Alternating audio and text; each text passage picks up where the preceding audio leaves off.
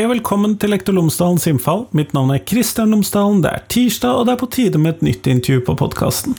Denne gangen snakker jeg med Kristel Røssol. Hun har skrevet en masteroppgave på det som heter Arkitektur- og designhøgskolen i Oslo, om fremtidens skole og innretningen på den.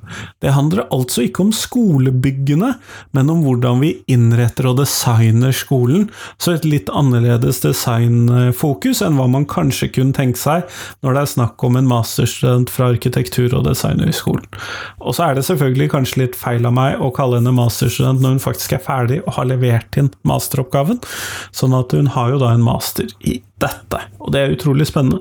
Vi snakker da om eh, hvordan skolen skal være i fremtiden, ulike måter å tenke på det på, hva som har kommet fram i det arbeidet hun har drevet med. Så det håper jeg du vil synes er interessant. Ellers, podkasten Lektor Lomsdalens innfall er som vanlig sponset av Fagbokforlaget, og Fagbokforlaget utgir bøker og digitale læremidler for hele utdanningsløpet, fra barnehage til høyere utdanning og profesjonsstudier, samt for norsk for minoritetsspråklige.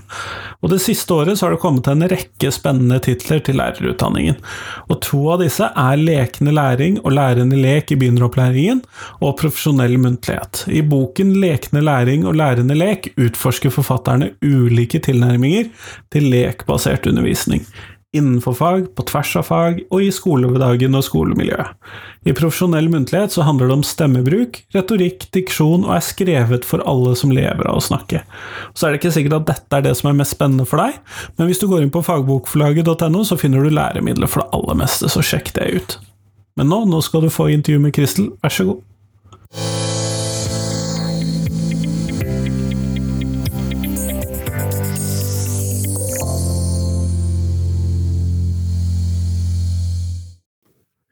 Kristel Røshold, tusen takk for at du har tatt deg tid til meg i dag.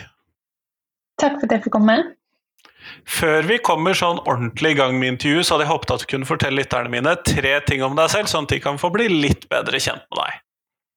Ja, det var jo et veldig åpent spørsmål, eh, så jeg tenkte litt på den. Men eh, jeg kan begynne med å si at jeg er tvilling, toegger. Eh, andre tingen om meg er at jeg bodde i London i tre år.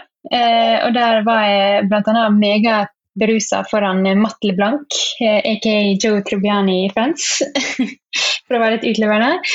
Eh, og så eh, har jeg noe som heter PCS, som er post syndrom Eh, og det, det har jeg egentlig lyst til å dele fordi det handler om å ha det når man får langvarige plager fra en hjernerystelse, eh, som jeg fikk for litt over fire år siden. Eh, så jeg syns det er viktig å informere om at uh, vær forsiktig når dere slår hodet deres uh, for hjernerystelse uh, i den første perioden. For det kan gå ille om man ikke uh, gjør det man skal.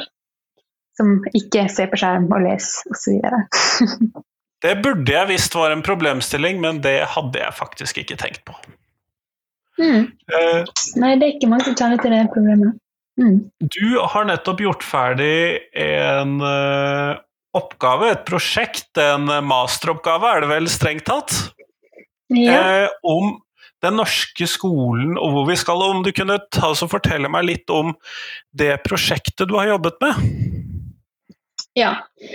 Eh, jeg valgte jo da å Jeg jo, tok jo da en master på arkitektur og design i skolen i Oslo. Eh, og der valgte jeg å gjøre min diplomoppgave i noe som heter systemorientert design.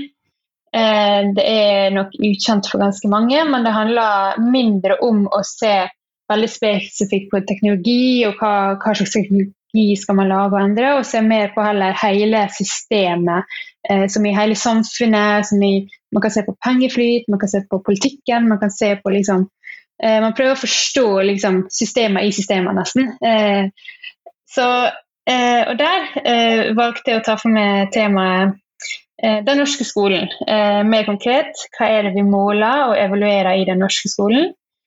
Eh, og hva som konsekvens av det er det vi ikke måler? Hva er det vi da ikke gir verdi og ikke verdsetter like mye?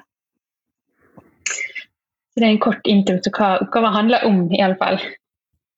Mm. Nettopp. Og eh, du, har, du, har, jo skrevet en abstract her som starter med linja We have an outdated educational narrative. Og jeg må jo innrømme at jo da, det tror jeg nok jeg har oppdaget på podkasten tidligere, at det er en del som faktisk er ganske tydelig på at det er holdningen. Men eh, hvordan beskriver du, eller hva er det som gjør at du tenker dette? Jo, jeg valgte jo Jeg hadde jo en liten tanke der om skal jeg være litt mer forsiktig i uttalelsen min, eller skal jeg være litt mer krass. Eh, og da snakker jeg med litt folk, og så valgte jeg det ligger litt i min natur å være litt mer krass. For her vil jeg egentlig få oppmerksomhet, og så jeg vet jeg at mange er enige. Så det er ikke det at jeg prøver å si at liksom, dette her mye av det jeg snakker om i rapporten, det vet vi fra før av, og jeg vet at folk vet dette her fra før av. Men det handler mer om så kom igjen, vi vet dette her fra før av, så hvorfor gjør ikke vi mer? Og hvorfor stopper ikke vi andre visse ting som foregår? Og vi er litt treige, kanskje. Så jeg var litt sånn, hvordan kan jeg liksom provosere litt, da? Eh, heller enn å være den litt mer forsiktige ja, ha den litt mer forsiktige eh, tonen. Eh, men det det handler om, er jo rett og slett at jeg så jo, med min eh, systemorienterte eh, metodikk, så så jeg på liksom strukturene i systemet vårt. Hva er målene til systemet, hva er, altså hva er målene å evaluerer? Men også hva er rammeverkene, hva er lovene, hva er det politikerne krangler om, og hva er det lærerne krangler om eller er enige om. og hvor vi klinsjer, hvor vi er enige og uenige. Eh, og der så jeg på en måte mye at liksom, vi skriver mye fint og flott i rammeverkene våre, og vi er ikke enige om hvor vi vil. og Vi, vi, der, vi har så masse fine mål, eh, men når det kommer til selve handlinga og hvordan vi kommer dit, så er vi uenige. Dessverre. Eh, og da kommer jo bl.a. Eh, for meg i min oppgave PISA og OECD og, det, eh, og dette her og ulike standpunkt rundt det kom veldig mye opp. Um, så det Svein Sjøberg blant annet, er jo et kjent navn for mange. Eh, så han ble jo den eh, Han var på en måte startpistolen for meg da, på researchen. Eh, som leder meg videre til andre folk, og som leder meg også videre til å søke ut de som er uenige. da. Snakka bl.a. med Kristin Clemet, som hadde et annet synspunkt på PISA. Eh, og mange andre som på en måte hadde viste meg et litt mer nyansert blikk på hvorfor vi er deltakere i disse internasjonale storskalamålingene. Eh, hvorfor vi eh, har nasjonale prøver. Eh, og hvordan det kunne vært mer nyttig. Da. For det er jo også litt av den kritikken jeg prøver å få fram. at jeg prøver ikke å si at nei til alle dine målinger, nei til all testing, men jeg prøver å si kan ikke vi være mer kritiske, og kan ikke vi bruke denne dataen på en bedre måte eh, hvor vi ivaretar barna eh, og altså elevene våre på en bedre måte, og også lærerne, som eh, får mer, eh, mer arbeid på disse testene. Nettopp. Du, nå har du nevnt to eh, relativt viktige intervjuobjekter her. Er det noen andre som vi bør vite om at du har eh, snakket med, eller er, det, er dette liksom toppen av kransekaka? Eh, jeg syns også Jeg trekker i hvert fall fram eh, mye Janina Anne Campbell. Eh, hun er en newzealandsk researcher her i, som, som jobber her i Norge. Som hun jobber vel på skrev det ned så jeg ikke skal glemme det, Center for Learning Environment and Behavior Research in Education. Veldig fint og langt navn. Men med hun så syns jeg det var spesielt spennende å snakke, fordi hun eh, var, bruker veldig mye PISA-data i sitt arbeid. Eh, og hun ser bl.a. på policy transfer mellom land. Eh, og jeg tenkte at ok, her er en dame som eh, bruker denne dataen mye i sitt arbeid, eh, men likevel så skriver hun i tillegg en slags disclaimer i alle hennes artikler om disse PISA-dataene. Her, her, er alt, alt det som man bør være forsiktig med med denne dataen. og jeg mangler informasjon om dette og jeg kritisk til dette osv. Så, videre. så i vår diskusjon så var vi egentlig ganske enige om at hadde hun hatt andre kilder, så hadde hun gjerne brukt PISA, nei, andre data enn PISA. Eh, men dessverre så er Teams og Pros og disse andre de er ikke like store, de har ikke like mye data, så hun trenger eh, Hun kan ikke bruke det. Så det blir en litt sånn negativ feedback-loop. At liksom disse andre forskerne researcherne bruker PISA-data fordi det er der det er nok volum. Eh, men så vet jeg egentlig selv om veldig mange av disse her er egentlig kritiske til dataen, men fordi de andre studiene ikke får nok oppmerksomhet eh, og har nok volum, eh, så er det vanskelig å, å faktisk bruke dem. Så det, ja. Ja. Det var blant annet Men hun, hun snakka også om hvor viktig det er å se på alternative måter for research, ikke bare på kvantitative metoder, men å se på kvalitativ comparative analysis. Da. Eh, jeg kan egentlig gå inn i veldig mye av hans arbeid, fordi det, det, var, det, det var, veldig øyeåpnende. Eh, sånn. eh, og så kan jeg også nevne at jeg snakka med Sølvi Lillejord, som jeg regner med er et ganske kjent navn også, eh, som også var hun var enda mer skeptisk til bruken derimot av internasjonale eh, storskalamålinger i Norge. Eh, og mente at det egentlig ikke hadde så veldig mye for seg. Eh, eh ja. Nettopp. Det var stjerne. jo, men det er jo greit å få en oversikt over hvor liksom eh, hovedbasisen her kommer fra, eller hvor deler av det kommer fra, og hvem du har snakket med i prosessen. Men eh, du har noen main findings i dette, noen hovedfunn i oppgaven din, og som er relativt interessante som perspektiv på hvilken skole vi har i dag. Og da eh, kunne du si noe om det? Ja. Um, min største utfordring var jo egentlig når det nærmer seg slutten mitt prosjekt, som var på bare over ca. fire måneder, eh, hvor jeg har gjort store store mengder med datainnsamling, men eh, må aggregere, eller ikke aggregere det motsatte, jeg må redusere det ned til noe spisbart og ha en leveranse. Eh, så for å gjøre det, så klarte jeg eh, ved hjelp av eh, systemorienterte designmetoder å få det ned til mine fire key findings, som jeg ga navnet One Size Fits None, uh, In Numbers We Trust og Never Mind the Gap. Uh, og basert på disse tre insightsa, som da også hadde sitt eget mikro-, meso- og makronivå, altså hver sin scale eller perspektiv, så kommer jeg da med mine intervensjoner. Da. Det er jo som slags ja, ideer eh, på, for å kunne svare på disse problemene. Eh, det jeg har lyst til å si som en slags disclaimer, som jeg også sier i rapporten, det er jo at eh, dette er bare et tankeeksperiment, food for thought, som jeg skriver. Det er ikke snakk om at dette her er ikke faktiske ferdige løsninger eller den eneste løsninga. Det er bare noe jeg presenterer for at man skal eh, tenke på de eksisterende strukturene og retenke eh, tenke på hvordan kunne det vært alternativt i en en annen framtid. Nettopp. Og hvis vi da, eh, For det er jo en veldig nyttig disclaimer å ha i bakgrunnen. Men hvis vi da tar den derre one size fits none som mm. problemstilling, hva slags eh, løsninger eller ideer for løsninger, tanker om hvordan, hvor skolen skal fremover, eh, tenker du at det er riktig der, da? Eller hva er det du trekker fram der? Eh, nå har jo jeg skrevet det på eh, engelsk, da, men jeg får eh, prøve å oversette. Eh, på One size fits none eh, så beskriver jeg egentlig eh, Eller fokuserer jeg på hvordan vi kan finne nye måter å evaluere og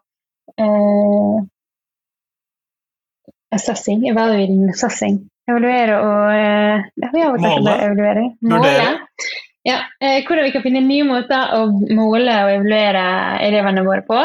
Eh, hvor vi da ser på et hele mennesket, eller på et mye bredere, fra et mye bredere standpunkt. Så vi kan gi en litt mer rettferdig en mer rettferdig basis. Da. For nå, sånn som systemet er, så er det noen som gjør det, ser systemet enklere for en visse type elev. Eh, for noen uh, Vi ender opp med måte, vinnere og tapere i systemet. Det, er noen som, måte, det kan handle om genetikken din, det kan handle om miljøet rundt det, det kan handle om familien du vokser opp i, som gjør det rett og slett enklere for deg i det systemet sånn som det er nå. Eh, så det handler om å prøve å måte, lage et litt sånn bredere bilde på hvordan skal vi eh, hvordan skal vi se liksom, det som er referert til liksom, soft skills eller non-cognitive skills, som noen elever er sterkere i, eh, som ikke vil vise i en, i en typisk cognitive test, eller sånn, eh, eller PISA-test f.eks., eh, osv. fordi de rett og slett ikke er så sterke på akkurat de aspektene. Skjønner. Hva med denne her In Numbers We Trust? Hva er det du tenker som liksom må være løsningene der? Fordi at uh, Jeg må jo innrømme det at jeg kjenner veldig på det at uh, det er veldig greit med alt som er tall. mm. Ja. Uh, så svaret er jo heller ikke at man skal slutte å måle og ikke ha tall. men det handler om, som jeg også nevnte litt tidligere med Janina Campbell sitt arbeid, at Eh, at man ikke bare ser til kvantitativ eh, eh, bruk av kvantitative datainnsamlingsmetoder, men at man ser også på kvalitativ data. og at man klarer å sette mer fokus på, på disse soft skills og andre typer ikke-kognitive skills. ja.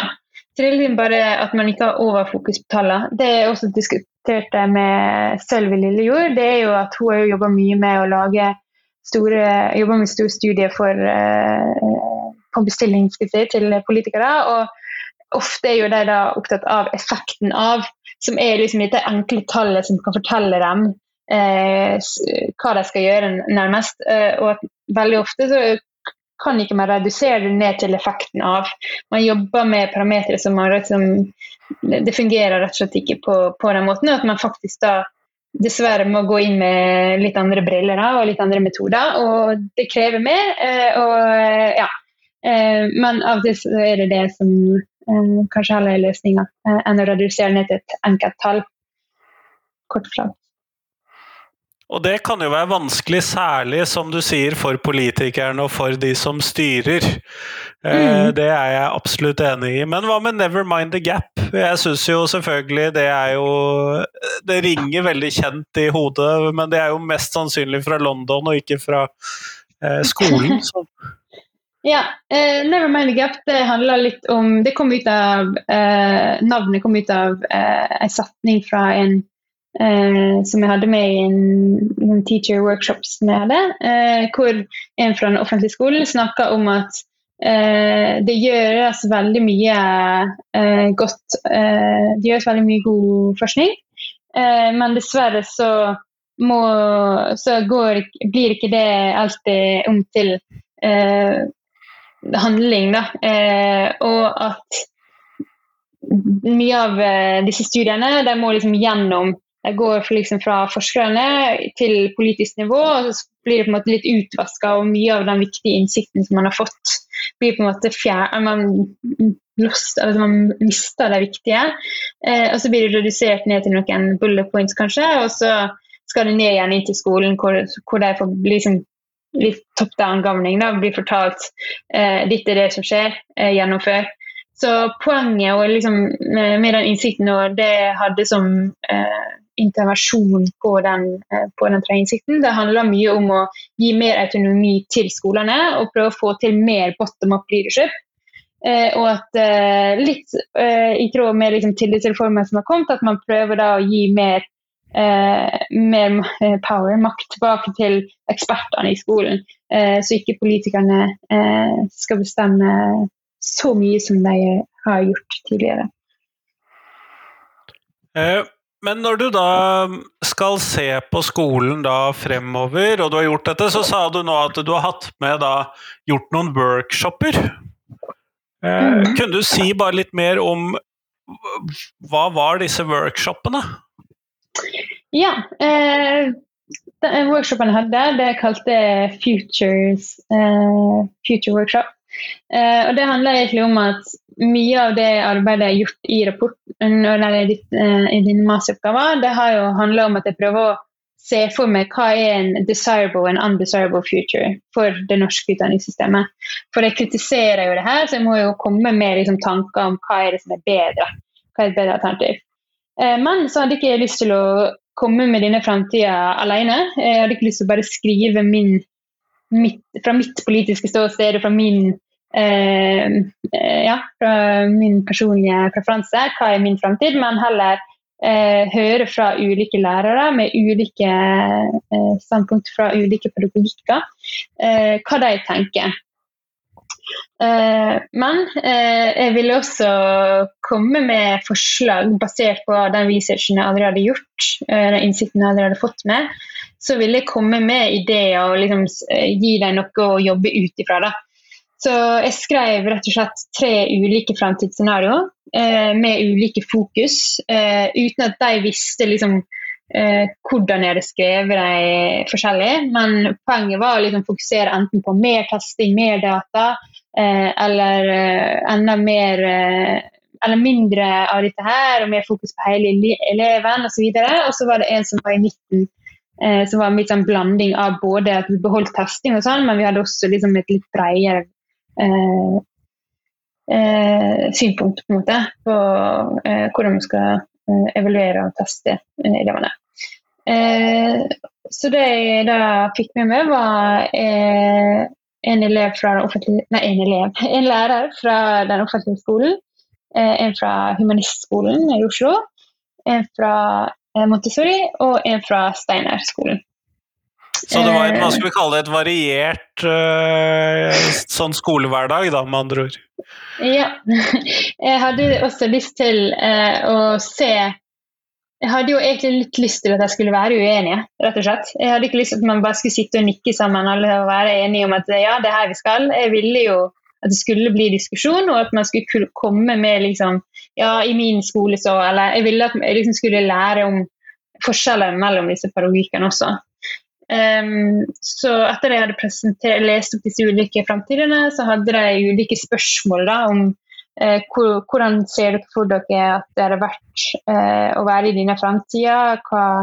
Hvilke endringer hadde det vært for, uh, for dere som lærer, for skolen, men også hvordan hadde det vært for elevene sjøl, osv. Og, så etter at jeg hadde svart på det, så hadde vi en felles diskusjon hvor vi bare delte tanker og vi kommenterte på hverandre sine svar osv. Eh, jeg var jo bare fasilitator, så jeg, sa ikke mine meninger. Men det ble en veldig veldig god diskusjon hvor jeg egentlig hadde, for, jeg hadde egentlig trodd at her kommer det til å De kommer fra ulike pedagogikker og ulike bruker ulike fremgangsmåter, men det jeg egentlig så veldig raskt, var hvor enige de var.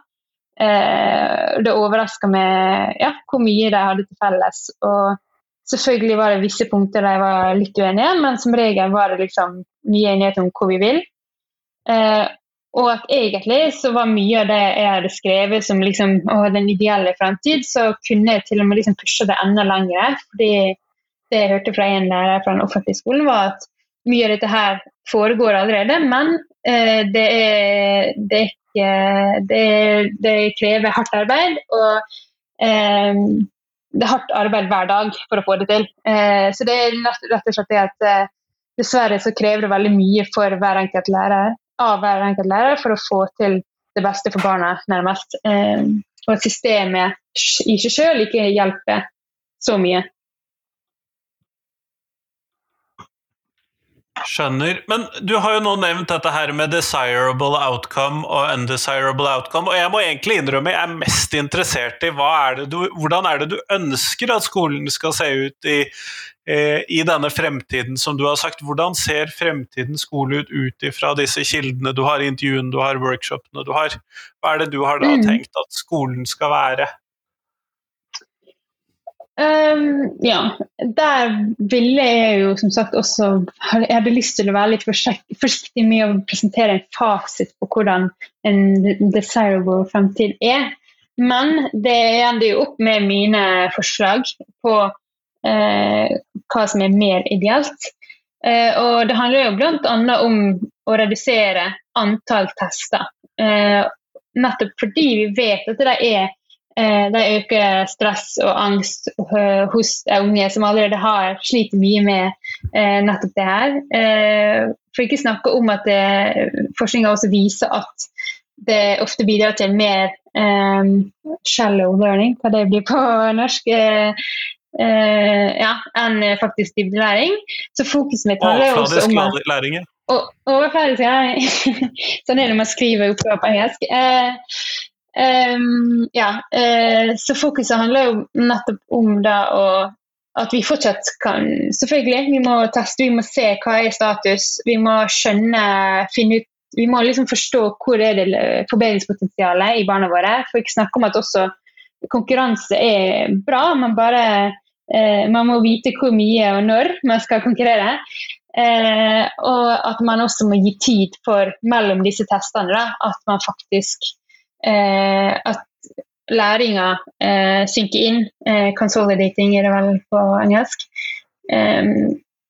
Rett, så det handler om rett og slett noen mindre volum. Eh, og at eh, disse internasjonale storskala studiene som vi er med i, da spesifikt PISA, at det fra mitt eh, standpunkt hvert fall, det er den innsikten jeg eh, skaffa meg, eh, virker som eh, bortkasta tid og penger. Eh, og at vi heller kan fokusere på å forbedre de nasjonale prøvene, eh, og kanskje til og med gjøre dem om til eh, sampling tests. Eh, Istedenfor å teste hver eneste barn hvert eneste år, så kunne det også kanskje vært hvert tredje år eh, osv. Eh, så det er der jeg liksom, det kommer inn mine klare standpunkt. Eh, ja, og så prøver jeg å være litt mer forsiktig med mer detaljerte ting enn som så. Ja, Det er jo da det virkelig kompliserte kommer. Men hva tenker du om lærerens rolle i den skolen som du beskriver? Uh, ja, jeg snakker jo også litt om uh, vertikal versus horisontal uh, relationships mellom lærer og elev. og at det, det, er ikke sikkert. Nå jeg prøver jeg også å innrømme det at det har skjedd veldig mye endringer siden jeg gikk i skolen. Eh, og at det virker som at eh, bl.a. så jobber veldig mange lærere kar karakterdempende, og de prøver å ha et mer, eh, et mer eh, ja, vertikalt forhold med elevene. Så der, noe, der kommer ikke med noe særlig mye nytt, sånn sett. Men eh, jeg var kanskje mest eh, inspirert av det jeg hørte, lærte fra Montessori og Montessori-pedagogikken. Hvor læreren eh, prøver liksom å lære vekk mer autonomi til elevene. At de har mye mer ansvar for sin egen læring. Eh, at eh, man ikke bare sitter i den klasseromsettingen eh, hvor liksom læreren er oppe med eh, stå foran som en litt mer sånn autorativ figur, men at det læreren heller sitter ned med det på gulvet, eller sitter med en mindre gruppe og jobber og spør hvem trenger hjelp. At det blir litt eh, eh litt mer fasilitator, litt mer eh, Ja, man er litt på mer på samme linje. Eh, samtidig som man også gir rom for at eleven har, de har en agency, de har en autonomi, og de kan si velge litt sjøl. Ok, nå vil jeg lære mer om dette. Eh, selvfølgelig uten at de skal ha helt frie tøyler, og det er ikke ja, free from, men, eh, men, at det er litt mindre den eh, strenge gjør det her eh, samtidig, og lærer i samme tempo som sidemannen på samme tid. Eh, ja. Eh, når vi da har hørt alt dette og sånn, hva, hva tenker du om Eller det vil si, hvordan oppleves det for deg å skulle forske på hva skal vi kalle fremtidens skole som et person som ikke f.eks. er lærer? fordi at de fleste jeg prater mm. med som sier noe om fremtidens skole, og jeg skal ikke si at er, mange av de er ganske enige med deg, for så vidt. sånn at eh, sånn sett så tror jeg du er på trygg grunn. Men hvordan opplever du det å være utenfor skolen og så skulle komme inn i skolen? For det er eh, ganske ambisiøst. Ja, det som jeg også nevnte tidligere, det var et overveldende prosjekt. Eh, og det var et ambisiøst prosjekt. Eh, det var mange ganger tider hvor jeg var Hva er det jeg holder på med? Dette burde ikke jeg prøve meg på. Jeg kan ikke nok om dette her fra før av. Eh, men det var jo derfor jeg også ble eh, tiltrukket til det. Fordi jeg tenkte også Hvorfor vet ikke jeg det her? Dette her burde jeg vite. Ja, jeg har ikke et barn i skolen, men det får jeg kanskje en dag. Og uansett så skal jeg stemme ved valg, og jeg skal jeg, Altså, jeg synes det som overrasker meg nok, var jo også det at liksom, hvorfor vet vi mer om de ulike forskjellige altså, tilbudene vi har av pedagogikker, hva de andre eh, friskolene holder på med, eh, men også liksom, hva disse testene eh, som barna våre deltar i, eh, går ut på, hvorfor vi har dem, og at vi faktisk betaler for det. og at, altså, ja, eh, Rett og slett bare det at jeg syntes det var viktig at jeg visste om det her, og at jeg hadde kunnskap om det. Så jeg ble mindre opptatt av å tenke å nei, jeg skal levere et uh, godt designprosjekt, og mer opptatt av dette her er viktig informasjon jeg må kunne som samfunnsborger i Norge uansett. Så om jeg stryker, så har jeg i hvert fall lært masse. Eh, og om noe som jeg syns er viktig at alle vet noe om. Uh, så jeg prøver også å igjen poengtere at jeg er også, det sier jeg også i rapporten min, jeg er ydmyk på det her. Jeg er ikke en ekspert. Jeg er ikke en som kommer med alle løsningene. Hvis det var noe jeg også uh, innså veldig raskt, så var det Fy søren, så mange flinke lærere som er der ute allerede. Ikke minst så var det så mye informasjon å finne, og gode innsikter og alt sånt. Så mye av det jeg prøvde å poengtere over, var jo at vi, gjort, vi, gjør så mye datainnsamling allerede. Vi har så mye viktig informasjon allerede. Nå handler det bare om å sette det inn i, i, i handling, og ikke bare samle inn mer data og teste elevene våre enda mer. Eh, vi vet hva Vi vet. Eh, vi har peil. Altså, lærerne vet hva de holder på med. og ja, så det, så det, var ikke Jeg var veldig redd for at det skulle fremstå som at her kommer jeg og vet og er eksperten. Det handler mye mer om å kommunisere dette her foregår allerede, og hør på disse folka her. da. Det er derfor jeg trekker fram Janina Campbell sitt arbeid, det er derfor jeg trekker fram Sølvi Lior, Svein Sjøberg. For jeg mener, dette her er jo viktig, det de roper ut om. Eh, les det, og eh, snakk sammen. Og prøv, tast ut nye ting i skolene. og Bruk systemet sånn som det er, i alle fall, hvis ikke dere kan endre det som er litt det jeg begynner å snakke om i slutten med sir Ken Robinson, eh, som har snakka om hvordan man kan gjøre endringer til system.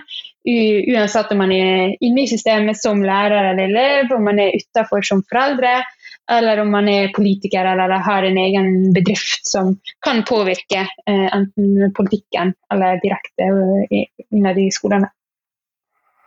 Kjempeflott, Kristel. Vi går mot slutten av tiden vår i dag, og da så skal jeg stille deg det faste spørsmålet som jeg har på podkasten. Og det er mm. hvilken lærer har gjort størst inntrykk på deg, og hvorfor det? Ja, eh, der slet jeg litt med å velge én, men jeg klarte til slutt å lande på en lærer jeg hadde på videregående i Spjelkavik. Eh, Spjelkavik videregående skole. Eh, og grunnen til at jeg valgte han, er vel fordi han jeg innså at han er den første læreren som, eh, som faktisk så med hele med, og ikke bare med som en elev. Eh, eh, og det gjaldt egentlig hele klassen. Eh, han var liksom flink til å eh, få frem det at han, han, brydde seg om oss, og ikke om prøveresultatene våre. Og, og om jeg kunne rekke opp hånda og svare på spørsmålet om den fakta, faktaen i biologi osv. Det handler om Eh, har du det bra?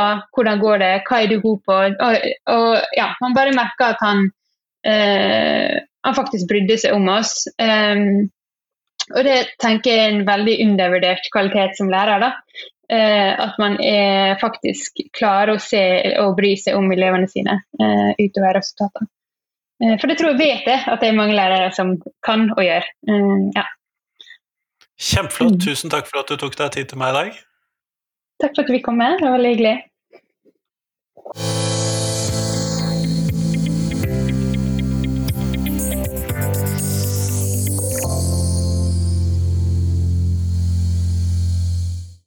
Tusen takk til Kristel, og tusen takk til deg som har hørt på. Nå er det fram til fredag, så kommer det en ny episode på podkasten, og som vanlig, det gleder jeg meg utrolig mye til. Ellers så håper jeg at du nå er inne i en avslappet julehøytid. Det vil si jule... Adventstid, kanskje jeg skal si. Det blir nok riktigere. Jeg håper at du har en avslappende adventstid, og at du ikke løper bena av deg for å rekke alt det du skal gjøre.